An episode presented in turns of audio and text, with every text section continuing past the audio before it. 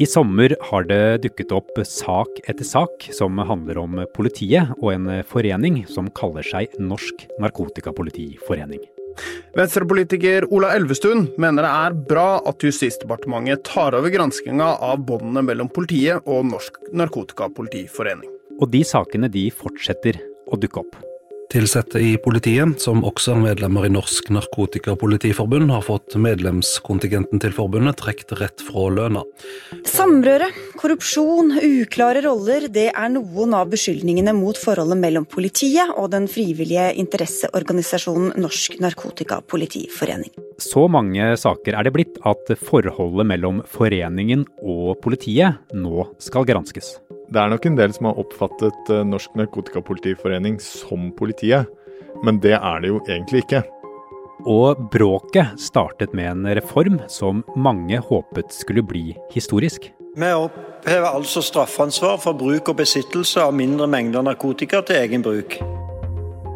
Du hører på Forklart fra Aftenposten, og jeg er Andreas Bakke Foss. I dag er det fredag 13. august.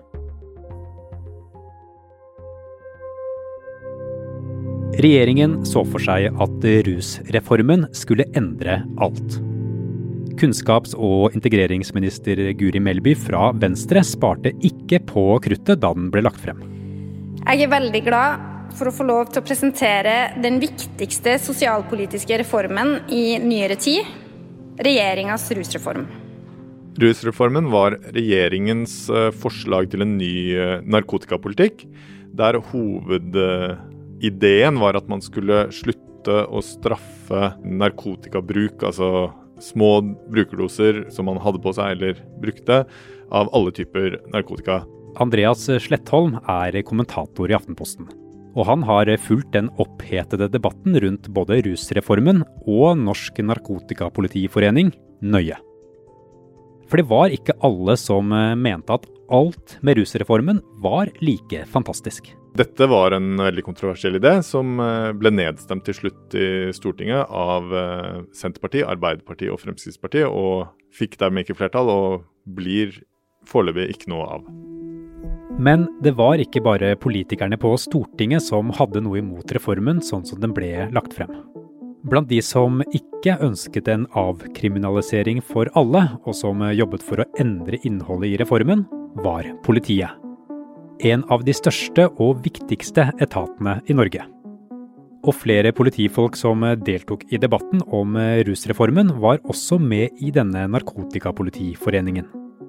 Så hvem sine synspunkter var dette egentlig? Politiet var en veldig viktig premissleverandør, kan du si. De hadde sterke meninger. Eh, selv om det er forskjellige syn i etaten, så var f.eks. politidirektøren ute og advarte mot en sånn type avkriminalisering. Og etter hvert, og spesielt i vår, så ble det i større grad liksom problematisert hvor kommer disse synspunktene fra, hva er kunnskapsgrunnlaget? Og det ble også rettet større søkelys mot denne spesielle foreningen som eksisterer innen politiet. Norsk Narkotikapolitiforening de jobbet da mot generell avkriminalisering. Hvorfor det? Ja, denne Foreningen er jo en sammenslutning, frivillig organisasjon bestående av veldig mye politifolk, men også noen fra andre etater. Og, og, og de eh, har et veldig klart justispolitisk eller narkotikapolitisk syn om at enhver form for i hvert fall nesten enhver form for eh, liberalisering av lovverket eh, kan være uheldig, kan føre til større bruk. og Det er liksom en slags sånn grunnholdning, og derfor var de naturlig nok veldig skeptiske til avkriminalisering. Men i denne prosessen så var det flere som begynte å lure. Hvem er det egentlig som mener hva her? Er det politiet, eller denne ideelle organisasjonen? Ja, Litt sånn i etterdønningene så var det egentlig et miljø på Twitter som hadde vært veldig for rusreformen, som begynte å sjekke hvor kommer egentlig disse holdningene til politiet fra? Hva er forholdet mellom denne private foreningen og Eh, politiet. Og egentlig gjorde en sånn journalistisk eh, jobb, begynte å søke innsyn og se etter tegn på, på samrøre. Og etter hvert har da også de større etablerte mediene tatt opp den ballen. Og da begynte den virkelige støyen rundt Norsk Narkotikapolitiforening.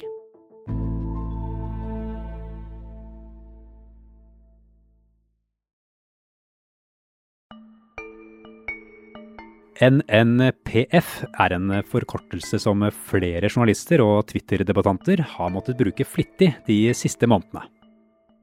For Norsk Narkotikapolitiforening har kanskje et navn som kan gi selv en dreven journalist skrivekrampe.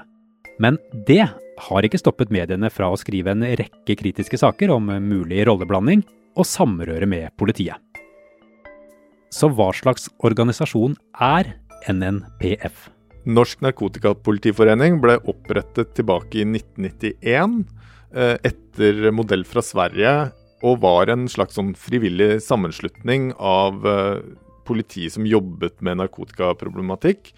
Etter hvert så utviklet de bl.a. noen sånne konferanser, årlige konferanser om narkotikapolitikk, hvor de gjerne fikk sånne kjente folk fra utlandet til å komme. Eh, og har etter hvert som blitt en institusjon, en forening innen politiet, som, eh, som, eh, jobber med å overføre kunnskap, men som også har et veldig klart politisk eh, syn. Nestleder i Norsk Narkotikapolitiforening er statsadvokat Geir Evanger. Han sier foreningen har jobbet for et narkotikafritt samfunn i 30 år. Vi driver med veldig mye forskjellig. Vi driver ulike prosjekter, Bry deg-prosjekter, vi selger eh, kurs. Vi har en stor utdanningskonferanse, og vi engasjerer oss i, i, politiske spørsmål. Og vi har i dag 3300 veldig engasjerte medlemmer, vil jeg si, som gjør en, en kjempeinnsats for foreningen. Andreas, hva er det denne foreningen eh, NNPF jobber for å få til? De ønsker å forebygge narkotikaproblemer. Eh, og de har et eh, klart eh, syn om at den straffelinjen, eller det å, å, ha sanksjoner, virkemidler for politiet, eh, slå hardt ned på bruk, det er en viktig del av eh, denne politikken. Og de har alltid vært veldig skeptiske til ulike liberaliseringer som har kommet eh, de siste 20 årene. F.eks. så advarte de jo veldig mot eh, det sprøyterommet som etter hvert kom på plass i Oslo, fordi de mente at det kunne da eh, gi en slags sånn aksept for narkotikabruk. Og som en ideell organisasjon som drives på frivillig basis, så jobber Norsk Narkotikapolitiforening på forskjellige måter for å fremme sitt syn. Vi engasjerer oss i, i, samfunnsdebatten, vi er med på å skrive høringsuttalelser osv. Og, så og eh, vi i rusreformen har vi naturlig nok vært opptatt av å, å si, påvirke politikere og de politiske prosessene ved å engasjere oss der. Så vi har ikke noe jobb med å påvirke eh, politiet, det er andre vi i så fall vil påvirke. I tillegg til å påvirke politikerne, så deltar de f.eks. For i forebyggende kampanjer mot narkotika i idrett og uteliv, og arrangerer en stor utdanningskonferanse hvert år, med økonomisk støtte fra bl.a. Politidirektoratet. Og det er nettopp forholdet til politiet som er blitt et stort tema mitt inntrykk er jo at mye av politiets offisielle syn og ting som politifolk eh, sier i rollen av å være politi i mediene, det er veldig sammenfallende med det Narkotikapolitiforeningen sier, og perspektivene de anlegger. Og det er kanskje ikke så unaturlig heller, for hvis man har en stor forening med folk som jobber på et felt som er viktig i politiet, så sier det seg jo selv at det er en slags sånn interesseorganisasjon som, som eh, selvfølgelig er med på å påvirke meningsdannelse og oppfatningen av problemer i uh, politiet. Og flere mediesaker den siste tiden har også pekt på mer direkte koblinger mellom foreningen og politiet. F.eks. skal foreningen i flere tilfeller ha brukt adressene og telefonnumrene til lokale politistasjoner som sin egen kontaktinformasjon. Samtidig sier foreningen selv at de ikke er en del av politiet, og ikke snakker på vegne av politiet. Men ikke alle er like enig i at det er så tydelig. Nei, og det er jo noe av kjernen i problemstillingen her. Dette samrøret eh, mellom en forening som har stor innflytelse i politiet, og som har veldig mange politifolk som medlemmer, og politiet, som jo er statens eh, maktutøver. Eh, og det er mange eksempler, både internt, men også eksternt, på at folk har veldig vanskelig for å skille, da. F.eks. da når, eh, Narkotikapolitiforeningen og politiet har et samarbeid eh, om eh, en utelivskampanje. Eh, det er uklart eh, hvem som er hvem. Eller da Unge Venstre hadde en sånn legaliseringskampanje for, eh, for hasj i skolevalgkampen i 2019, og skolene ble advart mot dette. Da var det Narkotikapolitiforeningen som tok kontakt, men alle sakene jeg leste om det, ga inntrykk av at skolene mente de hadde blitt kontaktet av politiet. Og det er jo eh, heller ikke så rart, fordi eh, kommer det politifolk og ikke er veldig tydelig på at de ikke er fra politiet, så oppfatter man jo at det er politiet som snakker. Men denne foreningen har av mange da blitt oppfattet som politimenn, eh, er jo ikke politimenn. Hva er egentlig problemet med det?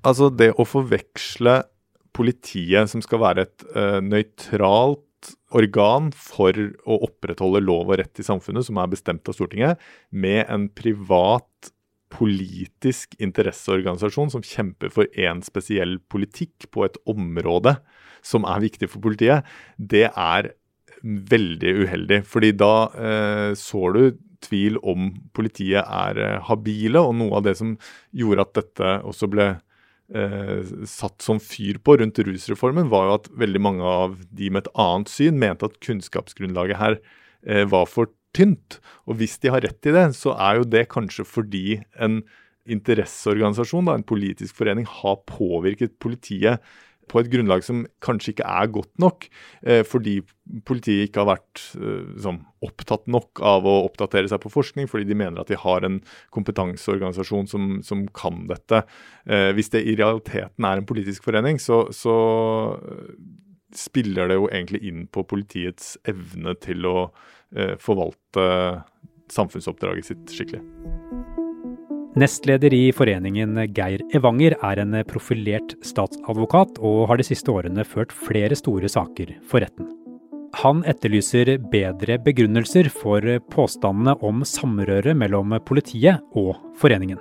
Vi ser jo at de samme, samme, argumentene går igjen. Det er vel en to-tre bilder som sirkulerer av at her har, her har, man vært i uniform på NNPF-arrangement. Det er de samme bildene, eh, bildene vi ser, og det, det, er en gjenganger. Og så har man jo ting som har kommet fram. Dette med konferansen og, og økonomisk støtte til den, eh, adresser osv. Og, og, og igjen, i, i, når man først skal se på det, så er det jo relevant at pressen har, har skrevet om det. Men vi syns vel kanskje det er litt skrint, eh, disse begrunnelsene. Man har på sett og vis bare etablert at det er, en, det er samrøre, og så dytter man på med de samme argumentene hele tiden. Det kom veldig lite nytt til, da, syns jeg. Men noen etterlyser jo klarere linjer mellom eh, foreningen og politiet. Tenker du at eh, det er nødvendig? Vi oppfatter at vi i alle år har opptrådt som en forening som ikke er en offentlig etat. Vi har våre egne klær osv. Og, og at det har vært eh, for så vidt en, en ganske klar et klart skille mellom oss og politiet. Eh, det er berøringspunkter, og vi har jo de samme feltene vi jobber på, sånn at vi overlapper hverandre. Men linjene mener jeg har vært klare hele veien. Men eh, Andreas, hvis disse linjene skal være så klare, skal ikke politifolk få lov til å være med i foreninger, da? Jo, men de må passe på at det ikke skader tilliten og er egnet til å svekke politiets uh, oppgaver. Uh, vi som er journalister, vi må jo også passe på både hva vi engasjerer oss i, og hva vi sier, og hvordan vi opptrer. Fordi arbeidsgiver forventer at vi ikke gjør noe som uh, skader tilliten. Og vi er, jo, vi er, jo, journalister, det er viktig nok, men politiet har, er jo en særstilling. De kan kaste folk i fengsel hvis det oppstår tvil om at politiet er nøytralt, eller at eh, de lar seg farge av et spesielt eh, politisk syn, så, så er det veldig alvorlig og kan gå utover eh, tilliten til politiet. Etter mye kritikk og flere runder frem og tilbake, har politidirektør Benedikte Bjørnland nå bestemt at noen utenfor den gigantiske etaten hennes skal granske båndene mellom politiet og NNPF. Jeg oppfatter at egentlig begge to er i, et, er i hardt vær nå, og er nødt til å uh, på en måte komme på banen. Uh, fordi selv om, selv om, dette kanskje ikke er noe som sånn, alle bryr seg veldig om, så er det etter mitt syn da veldig viktige spørsmål, og det er veldig alvorlig hvis tilliten til politiet blir svekket. Etter mitt syn så er det jo veldig rart at Narkotikapolitiforeningen har det navnet det har, f.eks. Det er åpenbart en forvekslingsfare at man tenker at det er et narkotikapoliti som kommer og snakker med politiets myndighet om narkotikapolitikk. Eh, og så tror jeg jo mange er blitt mye mer bevisste at det eksisterer en sånn forening, sånn at uh, kanskje er faren for samrøre litt mindre i, i, i, fremtiden. Og så har det jo allerede skjedd uh, noen uh, endringer på enkelte områder. De har jo beklaget noen saker, sånn at det, det, påvirker jo den praksisen. Men om det vil komme noen sånne veldig drastiske tiltak, at de avvikler foreningen eller noe sånt, det, det, det er jo for tidlig å si. Det kommer jo mye an på hva de egentlig finner i denne granskingen.